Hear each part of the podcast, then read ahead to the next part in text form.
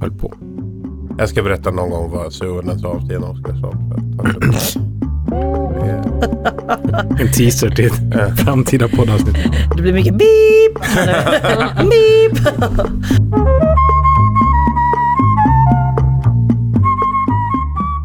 Hej och hjärtligt välkomna ska ni vara till kommentariatet. En podd om livets förgängligheter. Mitt namn är Karina Kovisha.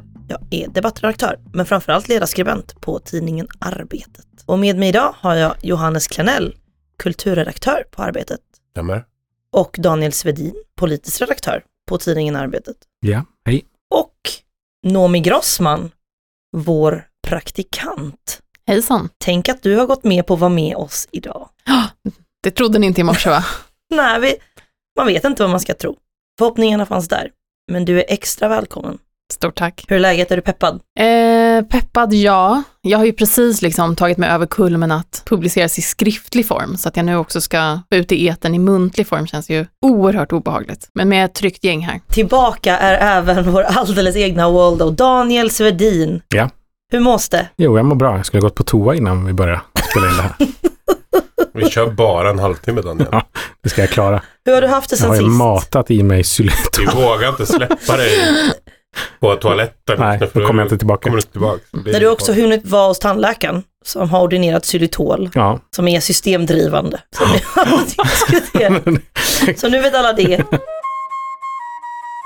Vänner, vi ställer oss varje vecka frågan, vad ska vi lyfta denna vecka? Och som ett brev på posten så är det alltid någon högergalning som gör eller säger något som liksom är ja, men för konstigt för att inte prata om. Och denna veckan är det ingen mindre än Sveriges minst ansvarsutkrävda både politiker och opinionsbildare Hanif Bali som har varit ute och dummat sig igen. Ja, det stämmer. Den lille dåren från Solna slår till igen. Jag tycker det är lite roligt nu för tiden med Hanif Bali för att det, han, han är för det första så himla arg. Men han, han är också så dum. Nej, men jag, jag upplevde ju långt tidigare att det är så att, att Hanif nog får rätt mycket så här ägningar och sägningar serverade från andra människor på olika genom DM eller så. Han säger så otroligt mycket som han verkar uppleva som så helt totala triumfatoriska kommentarer. Och så blir det så himla fel. Och i det här fallet nu då så har han ju i princip kommit ut som folkmordsförnekare. När han i en diskussion med eh, journalisten Kenan Habul som då protesterat mot islamofobin som råder och, och då, då kommenterat på någonting Hanif Bali har skrivit. Han, han älskar ju att skriva för sin islamofobiska crowd kan man ju säga. Så kommenterade väl Kenan i princip liksom att ja det var så här det började i Jugoslavien. Det var så här man skrev om oss bosnier då liksom och sa om oss bosnier innan man faktiskt började mörda oss. Varpå Hanif Bali gör en så kallad citatretweet. Han, han älskar att göra det för att liksom mana på sina drängar där ute. Detta med att bosnier är pekar ut svenskar som potentiella folkmördare av muslimer så fort någon tittar snett på en islamist börjar bli gammalt. Vi fattar. De där två åren i tidigt 90-tal var ett jobbigt trauma. Men ni har faktiskt begränsad erfarenhet av importerad Mellanösternextremism. Två år! Och begränsad erfarenhet av mellanösterextremism. Ja. Ja, Alltså det, det, det är ganska starkt där tycker jag. Jag var lite chockad. Faktiskt. Över, över att han ändå passerade den här gränsen. Eh, Lite på ett sätt för att det är så här. Det finns ju manligt och kvinnligt kodat. Det finns också så höger och vänsterkodade konflikter kan man väl säga. Och just folkmordsförnekande av bosnier. Det brukar vara vänstern som står för det. Jag är ju gammal ordfrontmedarbetare. Minns ni ordfrontkrisen ungdomar? Nej. Nej. Det är bara jag som är liksom geront som kommer komma ihåg det.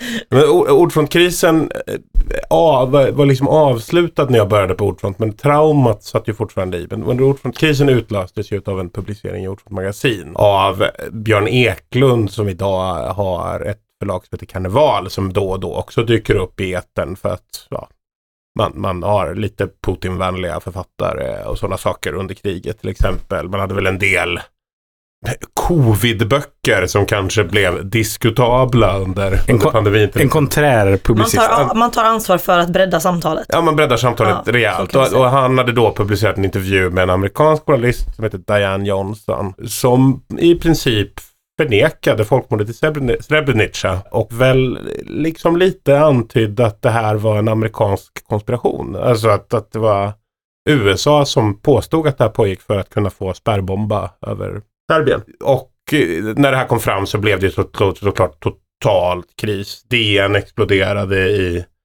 rubriker som ordfront förnekar folkmord på Balkan och liknande. Så när man är till och vänster, är det så här, man har ju vissa bekanta som aldrig sett ett folkmord de inte har förnekat. Eller liksom, alltså så.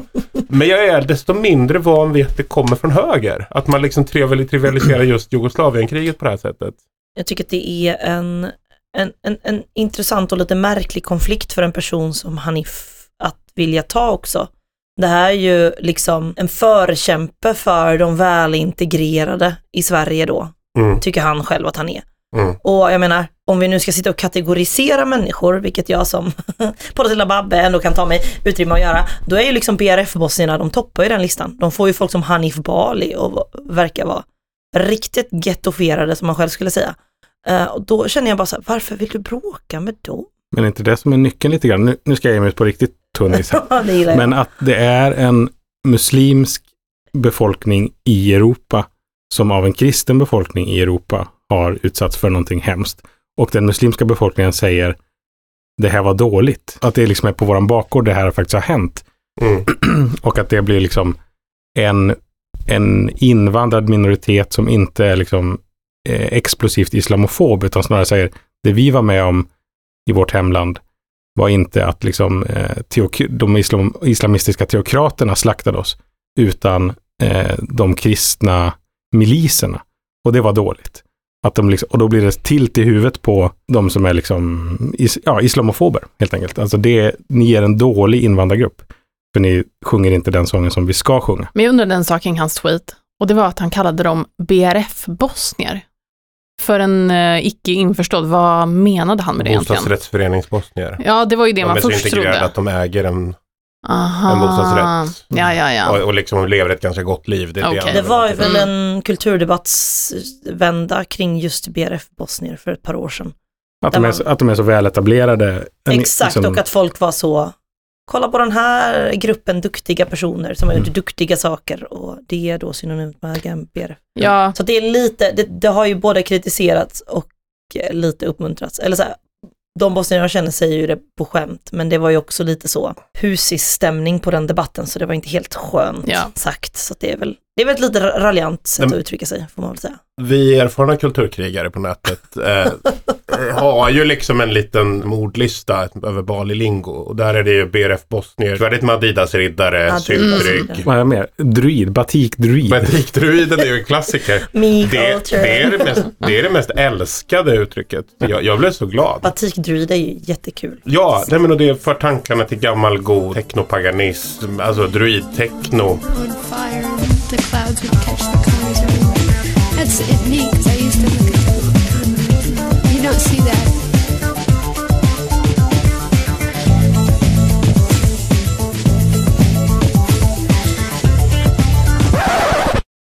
Eh, stencirklar i Skottland.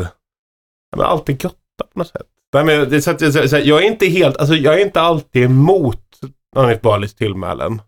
Och BRF Bosnier är väl inte bland de grövre i det liksom. Alltså, oftast är, är ju hans språk ganska färgstarkt. Det får man ge honom.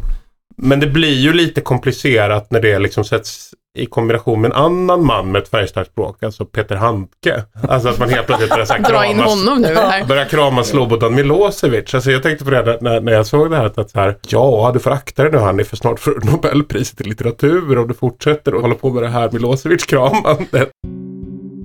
Men jag undrar en sak, Daniel, Japp. eh, vår politiska redaktör. eh, Kan det här vara kopplat till att han hatar Carl Bildt? En man som inte lyckats ha rätt om ett enda utrikespolitiskt skeende någonsin. Bildt var ju Och medlade fred. i medlade fred, precis. Ja, det, det är möjligt att det liksom ligger under, under ytan här, men jag tror verkligen att den stora förklaringen till, till liksom frustrationen på Kenan och andra bosnier som säger att app, app, app, ni säger att ni vill riva moskéer, det här skedde i vårt hemland, handlar om att, ja, det jag var inne på tidigare, att de Mm. helt enkelt inte bara agerar, att, att det blir fel, att det finns en muslimsk folkgrupp i Europa, Mm. alltså i ett, ett, ett muslimskt land i Europa, där kristna människor har gjort mycket, mycket, mycket du- dumma saker. Och alla som hävdar tolkningsföreträde i en fråga måste Mm. ju han också ge sig på. Exakt. Eftersom det är någonting han avskyr in i, in i märgen så att säga. Det är därför det är så kul att göra det när vi pratar om det. På något plan så är det lite så här. Hanif Bali skrev den där tweeten. Han gick och la sig, vaknade på morgonen, hade blivit folkmordsförnekare och där går liksom Curb Your Enthusiasm soundtracket igång. Blev liksom bara Till hans försvar, Mm. det var ju ingen förnekelse, det var bara två tuffa år. Han, liksom, han erkände i alla fall att det var tuffa år. Ja, det var Mm. två tuffa. Två tuffa. Ja, det Alla kan som vi... dog var faktiskt inte bosniaker. Nej. Det sitter han och skriver paniskt nu. Da, da, da.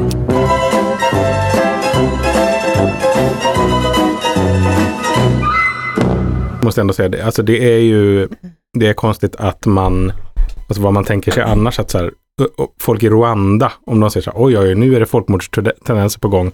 Bara, Ja, men bara för att du var med om något jobbigt med hutier och tutsier så är väl det helt irrelevant. Alltså var drar man den liksom? Eller Vi judar hade också, det, Ja. var, det var fyra tuffa år där. Men gå vidare. Gud. Släpp det. jag är glad att du sa det där eftersom du har tolkningsföreträde. Yes. Och lite på samma spår, eller ja, typ samma spår. Eh, högen säger märkliga saker som folk reagerar på. Eh, så har ju även Romina Pourmokhtari lyckats röra om lite i grytan i veckan.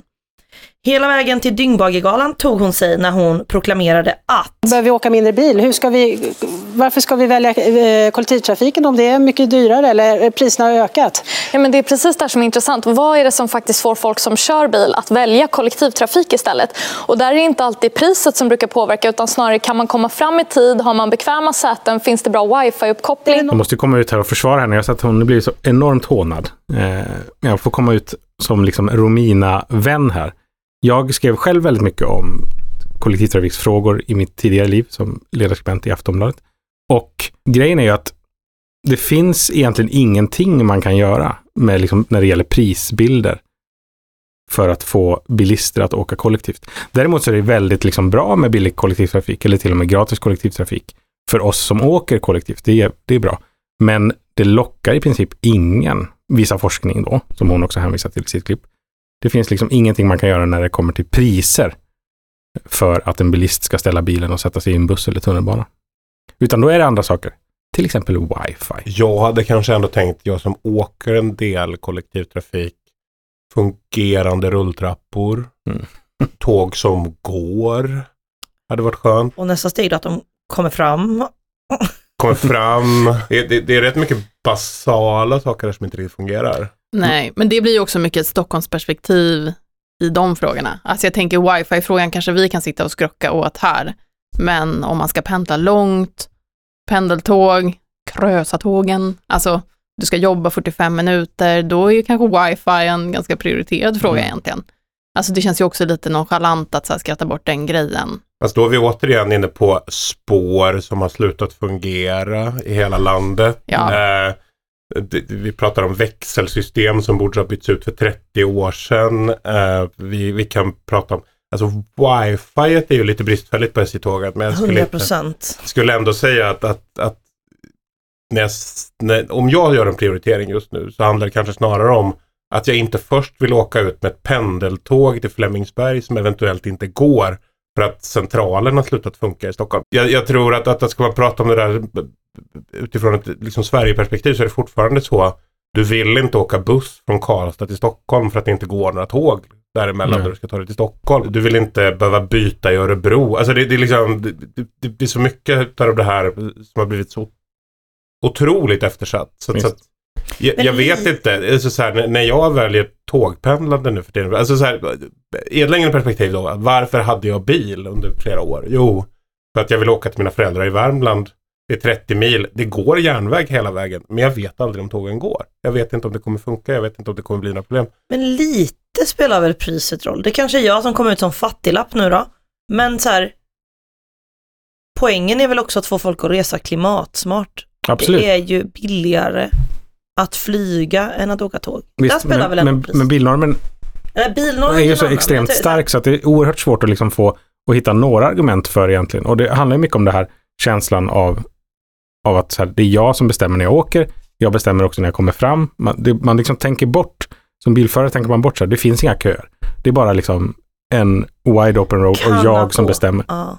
Eh, och då så här, ja men eh, vi har sänkt... Eh, Har ni försökt åka till Södertälje Ja, Exakt, men det, det är som att man, det, det är liksom borta, det, det rationaliserar man bort på något sätt.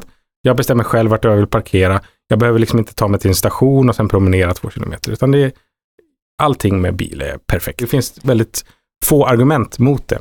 Men det är väl just det som är grejen.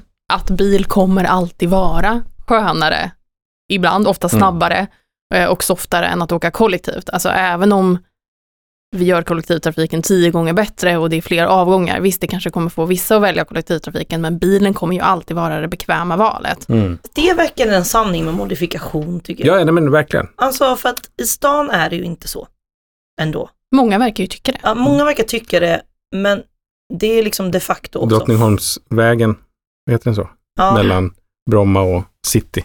Den är Ja. knökad. Och Ja, oj, Oj, vad det pendlas. Oj, oj, oj, vad det pendlas. Ja. Men alltså det är ju också svinjobbigt att ha bil på vissa ställen. Absolut. Eller så här, vissa sträckor är ju jättejobbiga att köra. Absolut, men den kompenserar när det är för allt när det är enkelt. Men frustrationen med att ett tåg inte kommer, det går aldrig att kompensera med att ett tåg faktiskt kommer. Nej. Så tror jag är liksom den underliggande mentaliteten.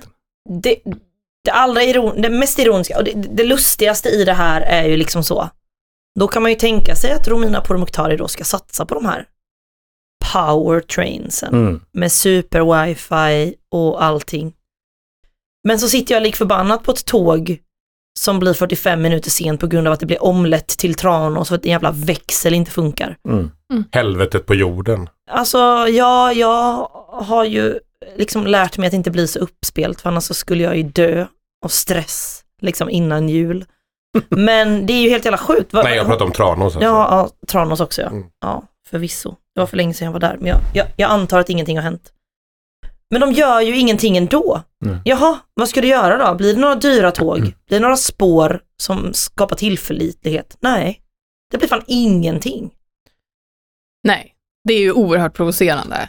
Alltså på alla sätt och vis. Och med den argumentationsteknik hon använde för kollektivtrafiken, den är ju inte lika rådande när det kommer till biltrafiken. Frågan vad kan vi göra framöver som inte bara innebär att belasta bränslepriser för att få ner utsläppen från Och exempelvis det ska vi prata om ikväll. Men du har ju haft eh, snart ett år på dig här att, att eh, presentera en ny klimatpolitisk handlingsplan. Alltså, trots allt så vill man ju subventionera Mm. bensinen med i princip alla pengar man har i kassan. För Mm. där spelar det tydligen jättestor roll med priset. Vilket inte heller bör ha någon förankring då i verkligheten. Alltså, man kan ju sam- använda samma argumentationsteknik. Ja, folk är beroende av bilen, vi måste pressa bensinpriserna, okej. Men då är ju också folk beroende av kollektivtrafiken. Alltså borde samma argumentationsteknik gälla där, men det gör det ju inte för Romina. Vilket gör att det sticker i ögonen ännu mer. Visst, nej, men det, det är väl underliggande någonstans här att kollektivtrafiken för politikerna alltid liksom betraktas som någon, det, det är en avlastning för biltrafikanter. Inte att den har ett värde i sin egen rätt på något sätt. Det, den diskussionen dyker ofta upp när man pratar om eh, om man ska ha kollektivtrafik, avgiftsfri kollektivtrafik eller gratis kollektivtrafik. Och då brukar liksom kommunpolitikerna eller regionspolitik, regionpolitikerna säga att ja, men det kommer bara ta folk från cyklar. Eh, vi vill ju att folk ska sluta köra bil. Ja, det, det är ju liksom ett argument, men det, är också, det finns ju jättemånga Förbjud bil i stan. Förbjud bil. det Vi har så här Annie Krona. Plus en. Det, det, det, det är ju i högsta grad jätterimligt. Mm. Eh, Det, det, går att ta sig fram inne i stan på massor med olika sätt som inte är bil. Det är också för jävligt att köra bil inne i stan. Så, att- så att jag, jag vet inte. Men, det, men det, det, är så mycket med det här som jag tycker är så konstigt med det här resonemanget. Okej, jag köper delar av det om man har just det här Stockholmsperspektivet som du pratade om. Liksom. Jag är uppvuxen i en by i norra Värmland. Vi hade tåg som gick till byn, alltså så, där, där tåget stannade. När jag var barn så innebar det att vi kunde åka till Torsby och gå på marknad. Alltså så här, jag är så gammal så det var sånt man roade sig med som nioåring, men vi kunde också åka till Det var Karlstad. inget jävla snack om wifi. Man kan åka till Karlstad och liksom gå på stan eller köpa på bio eller så. Sen åka hem och faktiskt faktiskt bara ha två kilometer att gå från stationen. Och man gjorde det. Och det var liksom vår anknytning till resten av världen. Det är ju en frihet också. Att Precis. slippa få skjuts av vuxna. Stängde de ner den, det tågstoppet, och då är det klart som fan att vi blev helt beroende av bilen. Mm. Alltså det, det, då, är, då finns det ju ingen, inget annat alternativ. Men, men vad tyckte du om Mina att ett, eh, ett månadskort skulle kosta då? Nej, men hon visste ju från första början inte vad det kostade. Är det någon som åker kollektivtrafik? Ja, du gjorde? Det fick jag längre. Ja. Vad betalar du för biljetten? Eh, det är en bra fråga. Jag, fick, eh, jag jobbade på regionen då så jag fick en liten eh, rabatt genom jobbet. Jaså, där ser man. Hon försökte ducka det. Ja, hon påstod ju sig att ha haft en rabatt för att hon jobbade på regionen. Men enligt mina källor så fanns det inga sådana rabatter om man jobbar på regionen. Så att det kanske var en manöver för att hon de facto inte visste priset. Mm. Men dyrt är det ju. Det är ju jätte, jättedyrt. Snart är vi ju över tusenlappen i Stockholm för ett månadskort. Men är inte det där en sån grej som brukar straffa sig? Jag tänker på Göran Persson hade väl ingen aning om vad en liter mjölk kostade? Eller? Ja, det är den klassiska liksom, politikerfrågan. Vet du hur folk har det? Mm. Eh, jo, man blir väl lite häcklad, men jag tror kanske, ja, jag vet inte. Det de här två politikerna har gemensamt är att de har en ganska hög svansföring och en ganska snäsig ton. Och jag tror att har man då inte på fötter i allt man säger, då kommer det tillbaka tiofalt. Och det tror jag Romina Pourmokhtari kommer få lära sig den hårda vägen. Men Romina Pourmokhtari har väl inte haft på fötterna på något hon har sagt sedan hon blev minister? Alltså hon tycker väl det själv, eller liksom så här, hon kollar på forskning och hit och dit. Men jag skulle säga att hon faller på de här ganska enkla grejerna. Det är ganska nonchalant om inte vet vad ett månadskort kostar i Stockholm om man ändå bor här. Men, men när du säger kolla på forskning, det är väl liksom så här som någon sorts anti-Greta i så fall? Att det är så här olika oberoende Ja, nej men institut. typ som det här som Daniel säger. Alltså hon säger det, hon är en dålig kommunikatör i det läget, men det hon säger är ju egentligen inte fel eller ja. Hon är ju inte ärlig med sina intentioner egentligen, Mm. men utifrån vad hon tycker sig läsa är rätt utifrån forskning så Mm. tycker hon att hon Mm. är en pooning. Typ. Visst, ja, men den, den liksom, mot, Alltså liksom motfrågan på det hon säger då är så här, ja, vad vill regeringen göra för att bygga ut wifi då? Ja. Hur vill ni, har ni någon plan för bekväma säten? Ja, men det är också lite det Karina är inne på, Mm, att så här, varför exakt. prata om de här excesserna Ja. när grundproblemet är vi har ett tågnät som förfaller. Mm. det går inte att komma fram, vi har växelfel. Att det blir en ganska billig väg fram för henne att börja prata om bekväma säten, Mm. när grundproblemet är en miljardsatsning på infrastrukturen som både hon och vi vet absolut inte kommer komma. Ja, nej men det var ju så här, i mars så berättade Socialdemokraterna att man ska uppdatera sin samhällsanalys. Man hade förlorat valet. Nu var det dags att rannsaka sig själv, utforma en politik mer i takt med tiden. Man tillsatte 11 arbetsgrupper som fick i uppdrag att göra en analys som ska ligga till grund för Socialdemokraternas politik och riktning för Sverige under de ja, 20-30-talet. Första steget har varit att arbetsgrupperna nu har djupdykt in i olika samhällsproblem och tagit fram en bred analys utifrån detta. Och förslagen på reformer, de kommer sen. I förra veckan kom fyra analyser. Det handlade om språk bland annat och segregation. Och den här veckan kom tre analyser till. Och det handlade om arbetsmarknad bland annat. Vad säger ni då? Behöver S en ny samhällsanalys? Ja, Ja. Nu sitter vi här i Godmorgon världen-panelen. Nej. Johannes Klenell, du säger nej, vad har han detta?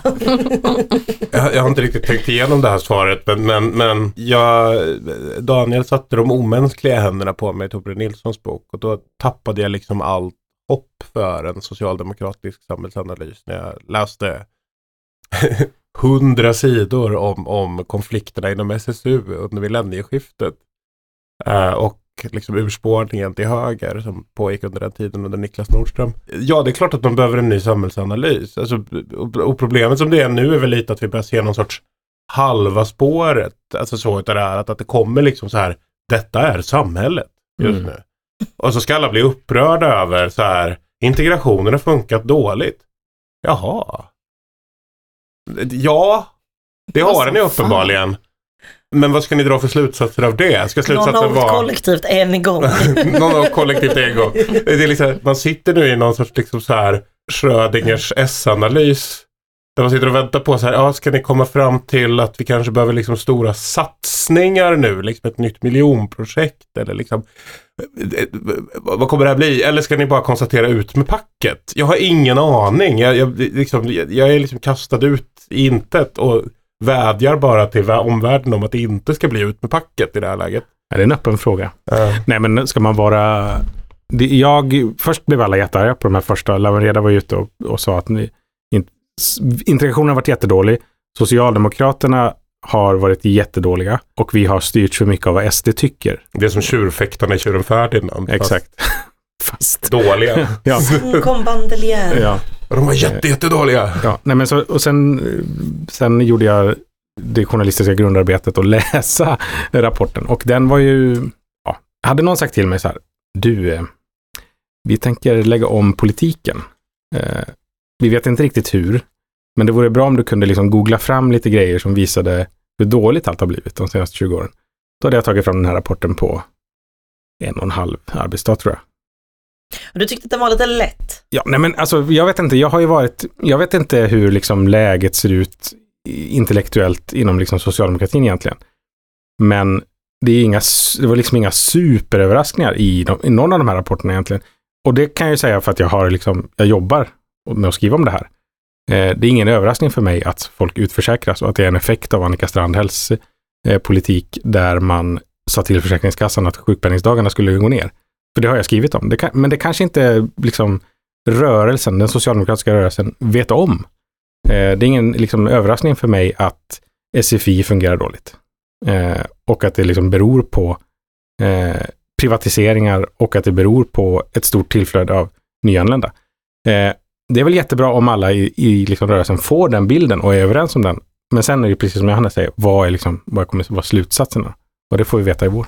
Ja, det blir ju den stora frågan. Jag tyckte att slutklämmen på Lauens rapport var ju så. Det här kommer kräva stora insatser från Mm. samhället i en skala vi inte tidigare sett. Alltså det var ju väldigt stora ord som Visst. också sätter höga förväntningar Mm. för vad de här Och redan har skräckat, och redan har skräckat högern jättemycket. Liksom. DN har, eller inte DN, GP och Svenskan och eh, Expressen är ute så här, och nu kommer de liksom tvinga på oss eh, integration. De kommer bussa våra barn, de kommer bygga eh, höghus i eh, Ålsten. Det kommer bli helvetet på jorden. let a girl dream alltså. Verkligen. tycker det låter toppen. Ja, men det, Alltså. ty- men det tycker inte högern. Nu kommer alla gå ut och bli de största försvararna av det kommunala vetot. Absolut. Denna vattendelare på kontoret. Visst. Men stora projekt, det är precis som Johanna säger, det kan ju också vara liksom interneringsläger. Det är också liksom ett projekt vi inte har sett tidigare i det här landets historia. Det behöver inte vara miljonprogrammet. Det behöver inte vara stora satsningar på SFI. Det Men kan också vara Det interneringsläger. piggar ju lite upp att så ehm, partiets eh, loose cannon, får vi ändå kalla henne, Annika Strandhäll, ändå var ute och presenterade lite politik. Absolut. Trots att hon ändå egentligen inte fick. Nej. Så det är fortfarande, det är ändå snack om arbetstidsförkortning till exempel. Mm, Om man ska säga Piggar ju kul, kul. verkligen. Indexera socialförsäkringar. Mm. Ja, alltså för en som är ung och inte har varit med i gamet så länge, jag förstår att många som har varit med i socialdemokratin i liksom 30 år har sett den här cirkusen utspela sig några gånger och man förlorar ett val och man blir självkritisk och sen så gör man en analys och sen så upprepar man samma misstag åter och åter igen. Mm. Så känner jag liksom att jag blickar på den med en ganska positiv grundsyn ändå. Var bättre att använda oppositionstiden till än att liksom göra lite självrannsakan, komma ut som en ny människa. Förhoppningsvis är den här tiden i terapisoffan bra för partiet på sikt. Mm. Nej, men jag håller med om det. det är, jag lät väldigt negativ här i början, men det är bra att man gör det här projektet och liksom eh, för Ja, men som faktainsamling är det ju också bra. Nå- Något att förhålla sig till. Jag tänkte på det igår när jag skrev om det här om, om eh, Annika Strandhälls rapport som handlade om arbetslivet. Att här, och bara ha det här uppspaltat är ju jättebra och liksom källhänvisat och fina grafer och allting. Så att det Och någonting att prata om. absolut. Och prata skulle vi kunna göra i timmar om inte Johannes Klenell har gett oss strikta order för att vi ska ha korta, snärtiga samtal. Så ni orkar lyssna på oss kära lyssnare. Ni ska ha tack för att ni var med oss den här veckan. Och eh, gingen är gjord av Johannes brorsor. Simon Elias. Simon och Elias är det. Han har ett par stycken så ni får bear with me att jag inte visste det. Top of mind. Ni får gärna gå med i vår eh, Facebookgrupp som heter kommentariatet. Och man får också gärna säga saker till oss om vad man tycker och tänker om den här podden. För då blir vi glada. Och vad är det mer Johannes? Man ska också gå in och ratea oss, kanske på iTunes eller på någon annan poddplattform. Det finns Ingen har gjort det sedan jag frågade. Så, nu är läget. Ja, så nu sätter vi in det tunga artilleriet, alltså mig. Och snälla, snälla, snälla gå in och säg snälla saker om oss så folk hittar oss online. Och med de orden, tack Daniel Svedin. Tack. Tack. Tack. Och tack framförallt då Noomi Grossman Tack så mycket. och Johannes Klenell. Tack, tack, tack, tack, tack. Hej då. Hej då. Hej då.